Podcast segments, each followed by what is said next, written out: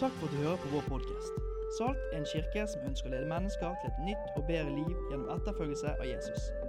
Dette skjer nå ikke bare i Bergen, for vi er i gang med å plante en ny kirke i Trondheim.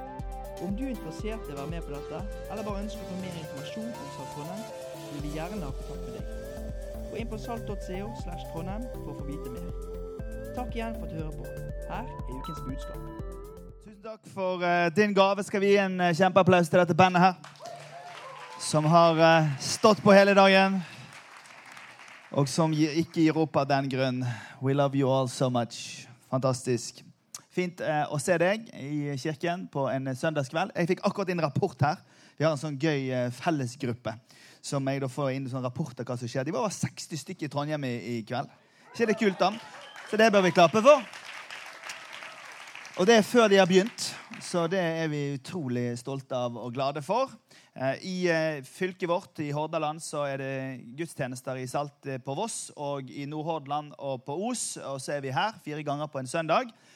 Og vi er brennende opptatt av den levende Guds menighet. Vi er veldig klar over at det ikke er alle som er det. Det sto i Dagbladet for noen år tilbake at nå skal Guds rike legges ned. Vi tenkte at det gidder ikke vi i hvert fall være med på. Vi tenkte det at vi skal gründe det og bygge det og være litt sprø på vegne av det. Når du er på besøk i en gudstjeneste, spesielt i kirken den norske, hvor du hører en trosbekjennelse, så sier man vi tror på en hellig og alminnelig kirke. Og Hellig og alminnelig betyr at det er hellig fordi at Gud han er en hellig Gud. Og det himmelske og adskilte, det er det hellige. Men det alminnelige det er livet som sånne som meg og deg lever. Det alminnelige livet, det vanlige livet. Vi strever med livene våre. Til tider så går det bra, andre tider så går ikke det fullt så bra. Det er i sin alminnelighet ganske så alminnelig. Og Derfor så er bekjennelsen at vi tror på en hellig og alminnelig kirke. Men i vår del av verden så er vektleggingen i stor grad dessverre for mye på alminneligheten. Av og til så kan du besøke trossamfunn og kirke, kirker som har eh, fint prat om verdier og greier, greier, men du liksom lurer på hvor er Jesus i alt dette? Hvor henne er Gud i alt dette? Og nå snakker jeg ikke om noe spesifikt. Jeg snakker bare om fenomenet i vår del av verden hvor alminneliggjøringen gjør at eh, det virker som om det her egentlig bare er en greie som vi menneskene har kommet på. Vi tror på en kirke som skal være hellig og alminnelig. Vi tror at Gud har kommet til vår etasje, og vi tror at han er iblant oss. Vi tror at når vi samles på denne måten, så er det ikke bare en gjeng av mennesker, men det er himmelen som besøker oss. Det er en sånn kirke vi drømmer om. Og Nå er det begynnelsen av semesteret, og de av dere som har vært med her i noen år, dere vet at det er visse ting som går litt sånn igjen, visse ting vi eh, vektlegger og repeterer. Eh, det gjør vi fordi vi ønsker at alle skal få lov til å få en mulighet til å hekte seg på eller forstå litt mer. Jeg hadde en lærer som sa 'informed people are happy people'. Det betyr at folk som skjønner hva det går i, de er lykkelige, fordi da skjønner man hva som er greien. Og Salt er en litt spesiell menighet. Eh, det betyr ikke at vi er har skjønt alt eller gjør alt riktig. på ingen som helst måte, Men vi har noen tanker om hva vi gjør, som vi ønsker å bare by på for å bidra til at liksom, ja vel, det er derfor. Eh, og det skal vi forsøke å gjøre her i kveld. Går det fint? Ja, det går bra, det. Det har gått bra hele dagen i dag, så jeg har empiri på at det faktisk er slik at det kan gå bra i kveld også. Når man gjør undersøkelser eh, på, som handler om dette med kristen tro og religiøsitet i ulike land, så havner Norge som oftest lavt på lista. Norge er et svært lite religiøst land. Eh, så når du tar den prosentandelen som sier 'jeg tror', og så finner du den prosentandelen som tror på absolutt ingenting, og så er det en svær prosentandel i midten på de folkene som er usikre på hva de tror på. Vi velger å se det slik at hvis vi tar de som tror, og så tar vi de som er usikre på hva de tror på, så kommer du nesten uansett hvilken undersøkelse gjør, til ca. 70-80% 70-80% av menneskene i Norge vet ikke helt. Og det er de vi ønsker å være en kirke for. Hvilket potensial vi har! Å få lov til å være en levende og attraktiv og gøy kirke for de folkene som ikke helt har bestemt seg om de ønsker å tro på dette greiene her. De er ønsker, vi ønsker å være en kirke for. Og det er klart at Når du har sånne som Ruben her, sant? supersjarmerende sørvestlending som elsker tunneler og regn og, og gå og trene og sånt. Liksom, Han er jo en typisk sånn, bibelbeltekristen, og folk fra Oslo tenker liksom at liksom, det er veldig de kristne på Vestlandet der leker de med kuer og ber til Jesus. Eh? Og så blir det litt sånn de der litt rare. Men vi tror at Jesus er kommet også for østlendingene. Vi tror at Jesus også elsker folk fra Trøndelag. Det er sant! Han er glad i dem. Og, og, vi tror at det viktigste vi kan gjøre nå, det er å bygge en våken kirke som hjelper mennesker å holde seg våken. Men jeg kan noen ganger bli stressa, for jeg jobber jo med dette. Om eh, dårlig presse. Jeg kan bli stressa av myter som går. Jeg kan bli stressa av eh, kjipe liksom, opplevelser som barn igjen har på skolen fordi de følger Jesus. Og sånn. Og jeg kan bli liksom, irritert og har lyst til å liksom, slå tilbake og liksom, gi beskjed. Men jeg har funnet ut at bedre enn å prøve å vinne mediekrigen, eh, argumentskrigen eller på en måte liksom krangle mot alt som skjer der ute, så må vi fokusere på det treet hvis du er med meg på Bibelen-metaforen her. Vi kan heller fokusere på det treet som vi bygger. Hvordan kan vi få det til å være så utrolig grønt og flott og fruktbart at over tid så blir det bra, dette greiene. Denne menigheten begynte med noen få folk, og nå Tolv år seinere er vi ganske mange folk. Og det er sånn Guds rike går fram. Fordi at det er sunt, og det er godt, og det vokser over tid. Han kamerat som skulle bli flygeleder. Og Vi skulle hjelpe han eh, på å trene til jobben. Og, du vet, Flygeledere de må klare å holde i gang en samtale mens det er sykt mye støy på øret. Sant? Sånn som det er i media. sant? Ja, Kristne har sagt det, og de har sagt det, og de har sagt det. Så du mister motet, ikke for det er så mye mas der ute. Så han flygelederkompisen min han sitter og holder en samtale med en av oss.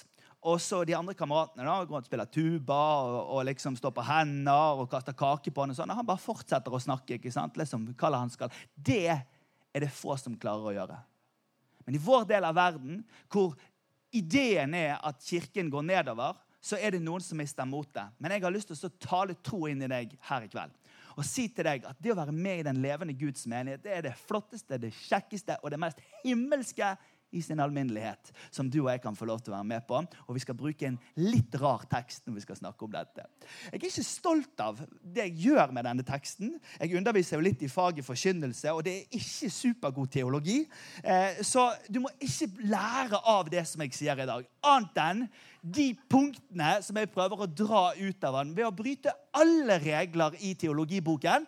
Eh, men det sier noe om noen av verdiene som vi har i salt. Er dere med på den?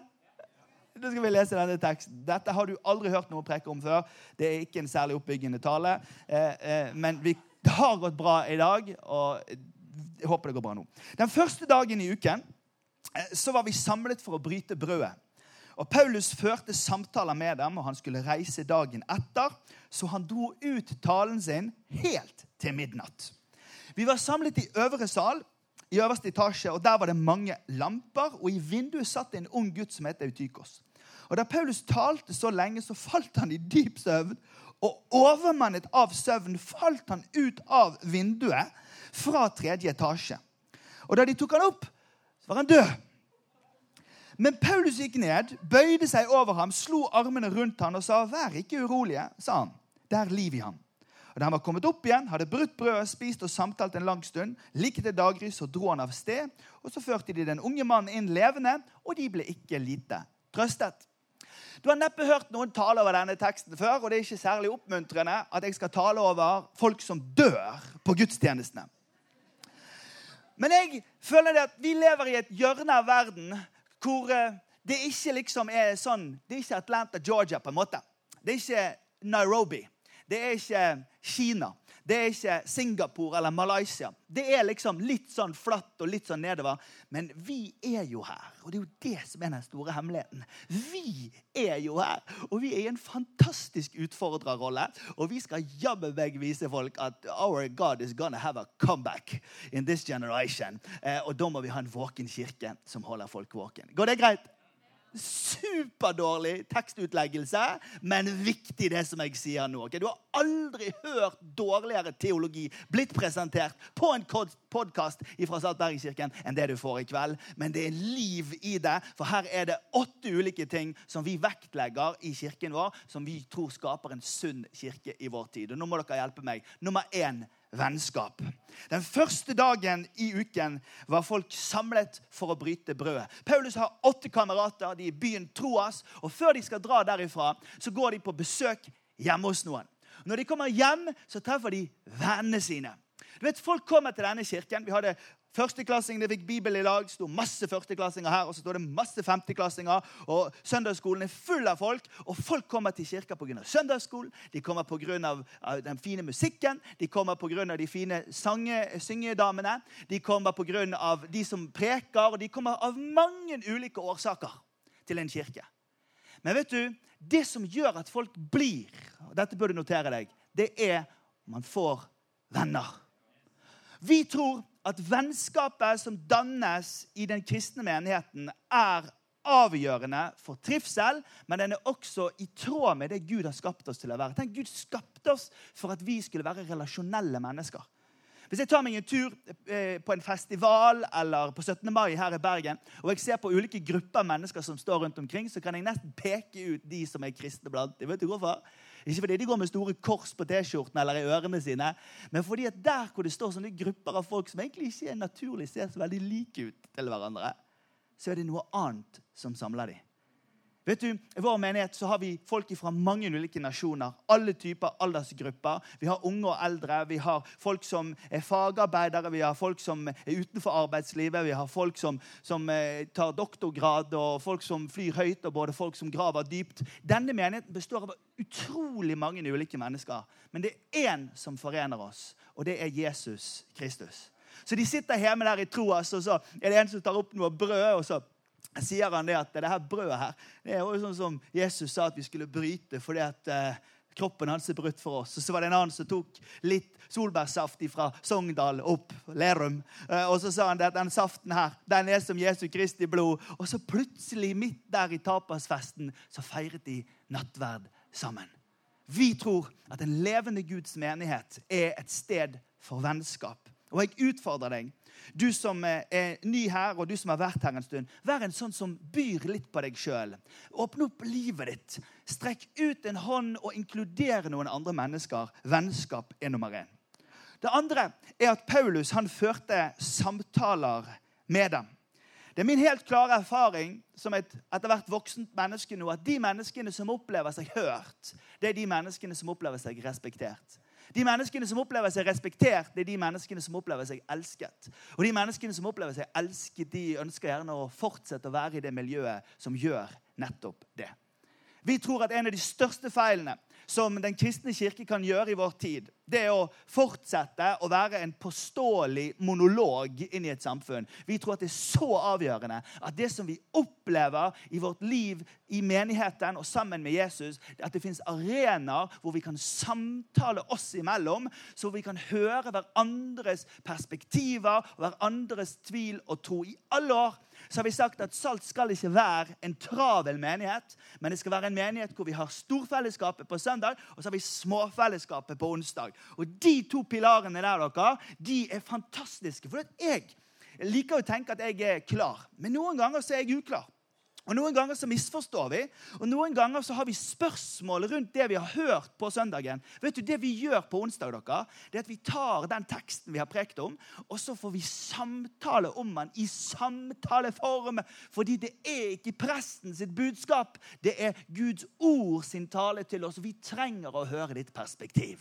Vi trenger å høre deg, du som er fra Jæren, og tenker liksom Ja, hva er det jærske perspektivet på dette? Vi trenger folk fra innst i Sogndal, liksom. Hva er det trange perspektivet på dette? Vi trenger folk fra Finnmarksvidda som sier hva er det kalde perspektivet på dette? Og nå bare improviserer jeg her, så jeg tror vi slutter der. Men poenget er samtalen, og den skjer i smågruppen. Og så skulle jo han reise da, dagen etter Paulus. Og så står det at han dro ut talen sin helt til midnatt. Jeg er vokst opp i en tradisjon hvor eh, forkynnerne ikke brukte klokke. Jeg bruker alltid klokke. Men de brukte kalender når jeg vokste opp. Og du visste jo aldri Vi følte jo når vi var små, at vi ble eldre når vi satt der. Vi kunne jo se på en måte at grønsken vokste på veggene. Og nå selvfølgelig overdriver jeg, men det er ikke lenger slik at du kan bare holde på og holde på for det å kommunisere i den generasjonen her, det er en krevende øvelse. En kollega av meg i Stockholm, Niklas Pensø i Filafia-kirken, der han sier det at før Internett så kunne 20 av 20 reise seg opp og holde en tale, og det gikk greit. Men etter det så er dette med kommunikasjon blitt krevende. For det er veldig mange den, den, av unge mennesker som selvfølgelig bare slider videre, skifter kanal, hører på en annen, fordi at vår oppmerksomhetstid er mye lavere enn det den en gang var. Det var en kid som satt i kirken med moren sin og så sa han dette. 'Nå tror jeg at jeg vet hva jeg skal bli når jeg blir stor.' Og moren var en sånn skikkelig kristen, så hun bare tenkte Gud, så fantastisk han sitter i kirken og får vite hva han skal bli når han blir stor. Hva, lille venn, er det Herren sier til deg at du skal bli når du blir stor? Og dette lille barnet sa jeg har lyst til å bli prest når jeg blir stor. Gud, det er jo helt fantastisk. Hvorfor det? Jo, for jeg har jo skjønt at vi skal gå i kirken resten av livet, så jeg kan like så godt stå der oppe og snakke som sitter her og kjeder meg. Vi kan ikke bare snakke. Så når vi tenker for å lage disse gudstjenestene her, så sier vi at det er tre viktige prinsipp. Og Det ene er at vi ønsker at alt det vi gjør, skal være for Gud. Og Det kan virke rart for de som ikke tror på Gud, men det at vi synger lovsanger og snakker om kjærlighet og Gud og vi elsker deg og løfter hendene og sånn, sjukt rart for folk. Men vi tror at gudstjenesten er først og fremst for Han. Og vi tror at eh, litt crazy, litt eh, voldsomt, litt opp med hendene, litt hopping, litt utenfor komfortsonen, det er der moroa skjer for Gud. Det andre det er at det skal være til inspirasjon og oppbyggelse for den som tror. Så du som kommer og tror på Jesus og kommer til gudstjeneste, selvfølgelig vil vi at det som skjer gjennom ledelsen, gjennom sangen, gjennom forbønn, gjennom forkynnelse, skal oppbygge deg. Jeg har alltid som et mål om at vi skal gå med mer håp enn vi kommer. Vi skal kjenne mer liv enn vi kommer. fordi at vi skal møte. Vi skal. Og så er det tredje. Det at det skal være interessant og forståelig også for våre venner. Vet du, Eh, min kone hun eh, veddet med en på jobben sin. Det gjør ikke vi på min jobb, men hun gjorde det på sin, og hun bruker alltid å vinne. Så han er stakkaren som jobbet eh, for henne, han måtte bli med i kirken. Og Vi var og hentet han, og han kom på gudstjeneste, og han så helt ut. Det var liksom bare helt... Så når vi var ferdig med gudstjenesten, så sa han jeg har aldri fulgt med så nøye på noe som interesserer meg så lite. Fordi vi forsøker at det vi snakker om, skal være så interessant og forståelig at det skal være noe som treffer. Og venner, Det er viktig for meg å understreke dette overfor deg. Du som gjerne har lest Bibelen, både den ene veien og den andre veien. Kanskje du ble kristen i 1128, liksom, så du har et par tusen år med kristen tro inni kroppen din. Kanskje du være game med de som er nysgjerrig. Kanskje du istedenfor å tenke at jeg har lyst til å høre om et eller annet helt sinnssykt innfløkt fra en eller annen bok ingen har hørt om, tenker de at dette er noe vi gjør i et stort rom sammen. Og at det vi holder på med her, ikke er foredrag for kunnskapsøkning alene. Men det er forkynnelse av Guds ord som skal gi liv til oss. At ikke det sikter på tankens oppbyggelse nødvendigvis alltid, men det handler om det livet som Gud gir til oss så lover vi deg at vi ikke skal tale for lenge. Vi lover deg bare at vi skal tale fort nok, så vi får sagt alt det som vi vil si. Så skjer dette. De var samlet i den øverste salen, og der oppe så var det mange lamper. Hva er det for en ting å skrive inn i et bibelvers? Og der var det rødt tapet på veggen. Altså, En av teoriene rundt at de sa at det var mange lamper der, det var at kristne i den, i den tidlige kristne historien så var det mange stygge rykter som gikk om dem. Altså Det der at Jesus sa 'dette er mitt legeme brutt for dere', 'dette er mitt blod', det laget rykte om at de var kannibaler. Så de hadde så mange stygge ting som de sa om dem. Så Tertullian han sier det at en av årsakene til at de skrev inn dette med lampene, var at det de der folkene holder på med, det tåler dagens lys. Og Det er en viktig verdi for oss i denne kirken. Vi er her på en nattklubb. Uken igjennom skjer det mye flott her på denne nattklubben. Og, og, de som jobber her, de sier det at eh, når dere er her, så er det litt annerledes. Og det syns vi er helt supert. Men vet du, vi har ingen problem med om NRK eller TV 2 eller til og med Vårt Land Gud velsigne dem, hadde dukket opp her. Det hadde vært ingen problem, fordi at vi står for det vi står for i det offentlige. Men det er sånn at når jeg skal ut i det offentlige, så tar jeg på meg klær, jeg tar voks i håret, jeg ordner meg, og så forbereder jeg det jeg skal gjøre, fordi det er offentlig. Men privat, sånn som bønnemøtet vårt i morgen Har vi ikke vært på et Salt Bergenskirken bønnemøte før? God bless you.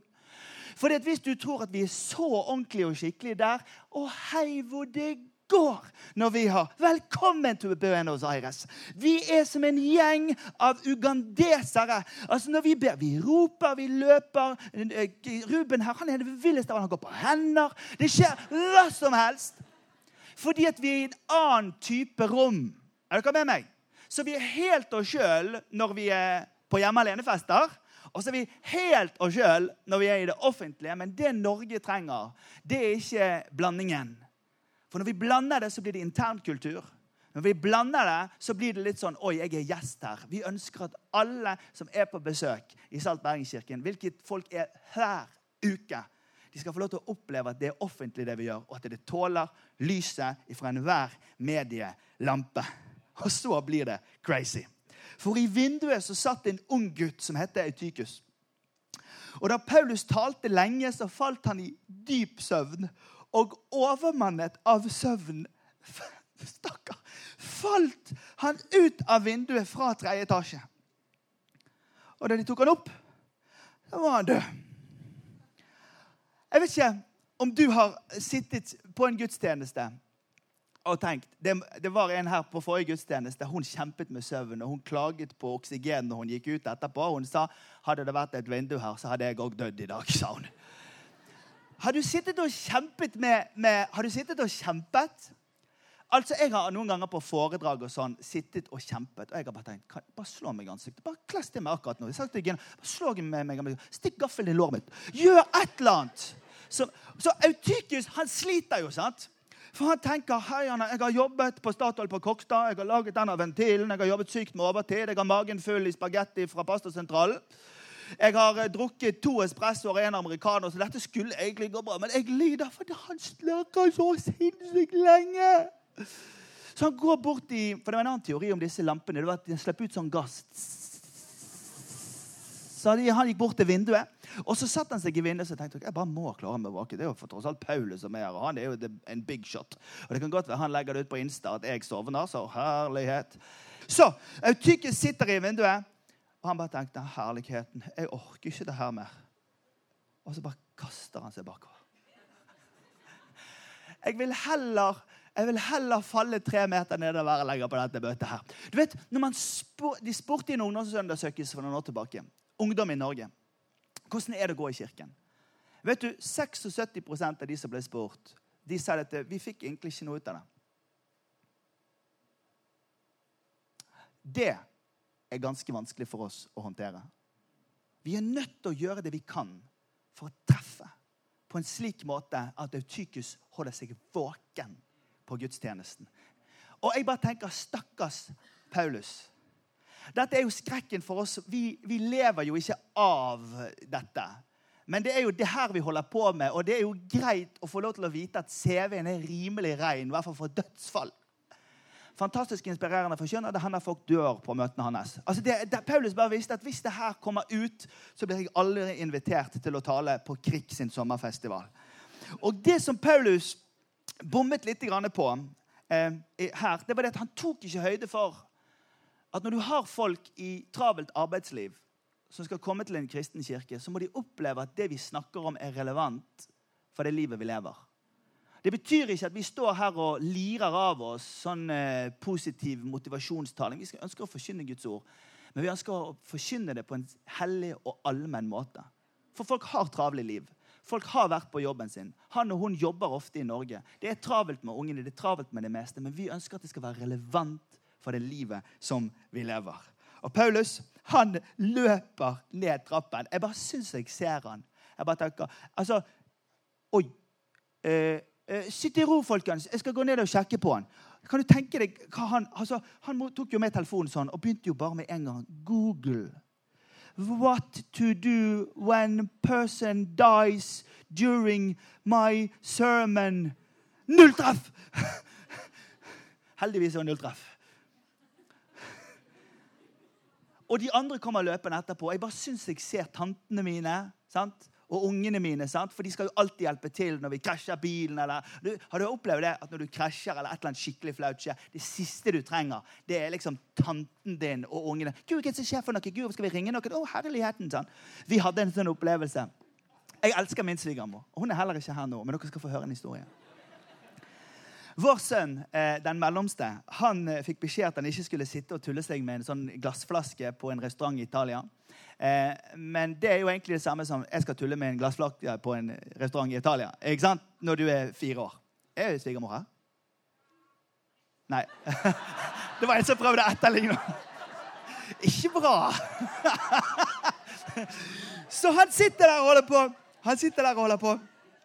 Og det som skjer, det er det at, det, det som skjer, det er det at uh, den mellomste da, Jeg skal ikke si navnet nå, for han er litt sånn fintfølge på det der, men han faller altså da altså Glassflasken går i bakken først, knuser, og så kommer ansiktet hans etterpå.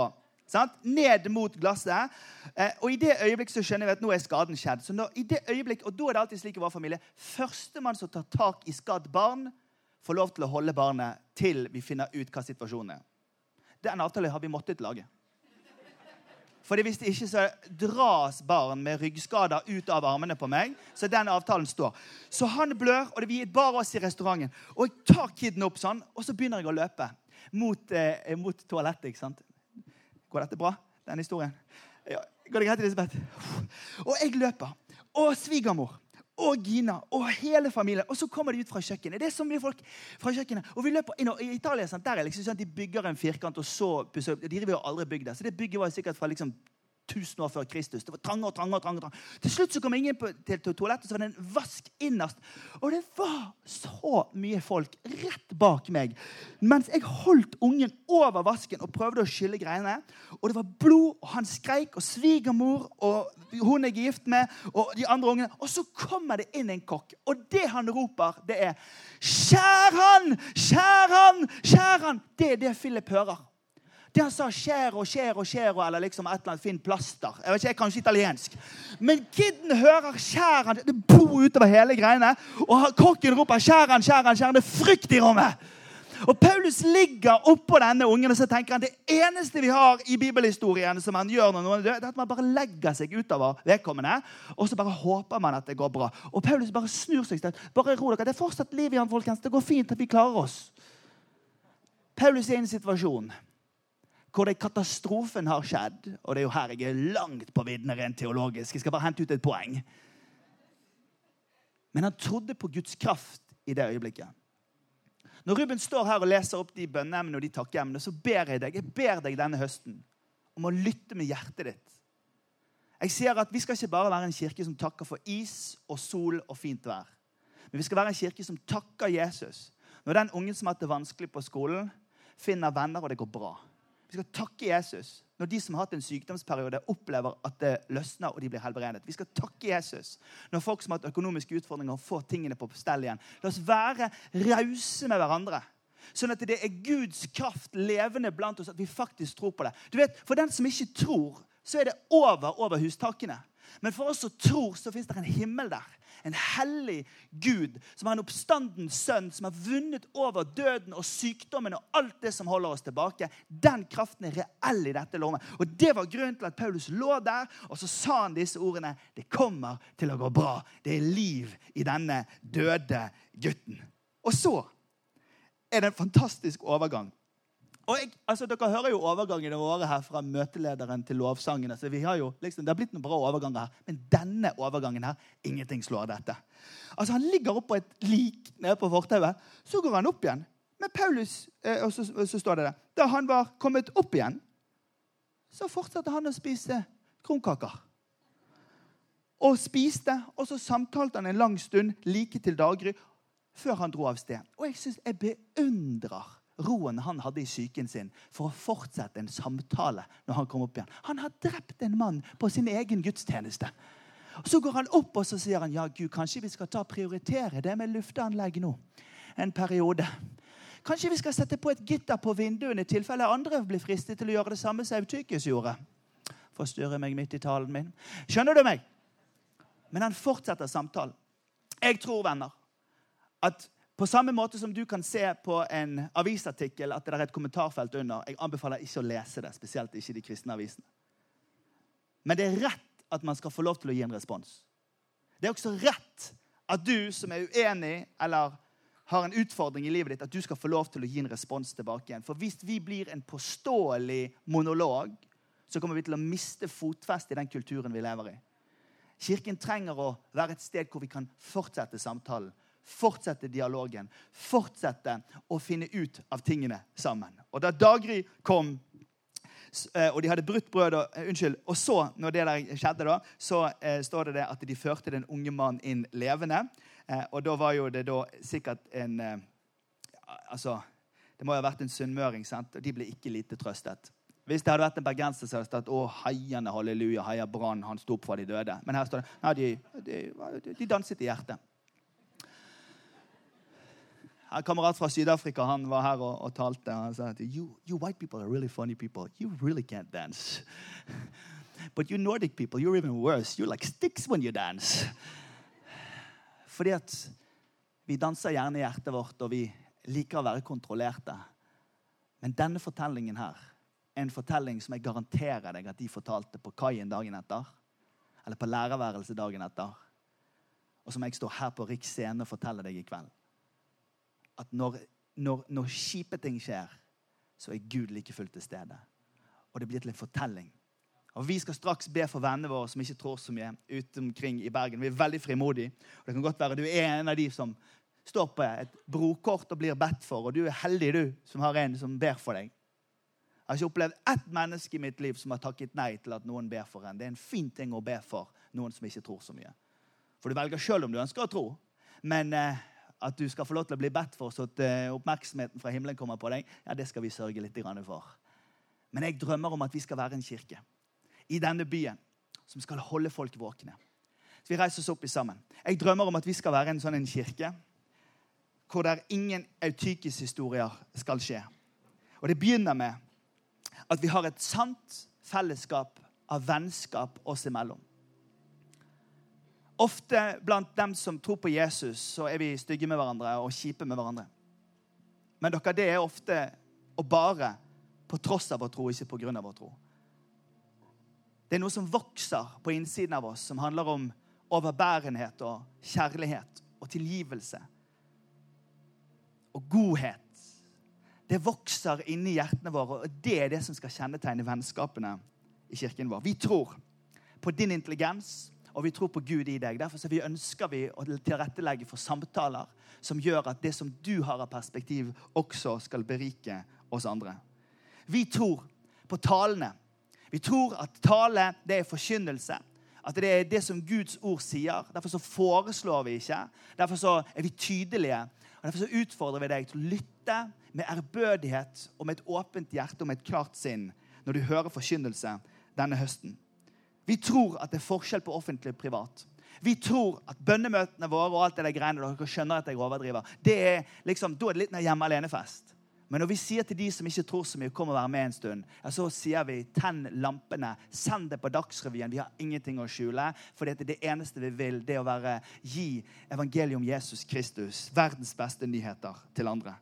Vi tror at det er vår oppgave å snakke sant om Jesus og snakke sant om livet. At det skal være relevant, det som vi gjør. Vi tror at når vi ber til Gud, så gjør vi det i forventning om at Gud virker med, og at hans kraft er reell, og at han gjør mirakler.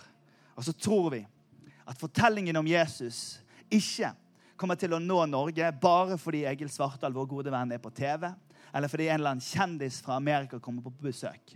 Vi tror at evangeliet om Jesus Kristus, verdens beste nyheter, når gater og streder, lærerværelser, studiesteder og hybler og leiligheter og idrettsarenaer i denne byen her gjennom vanlige mennesker fylt av Den hellige ånd, som gir det videre til sine venner. Det er ideen i dette huset her, og det er det vi inviterer deg til å være med på. Skal vi be i sammen.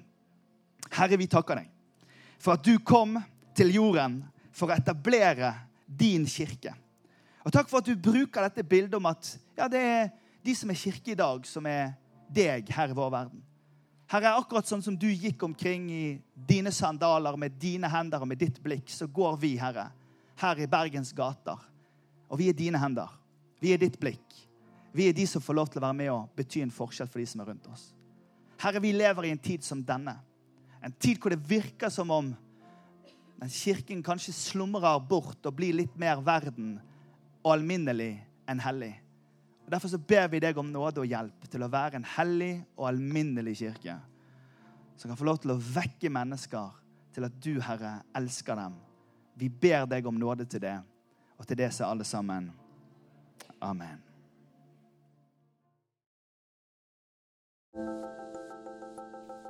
Takk for at du lyttet til podkasten til Salt. For å høre flere, besøk oss på saltbergen.no.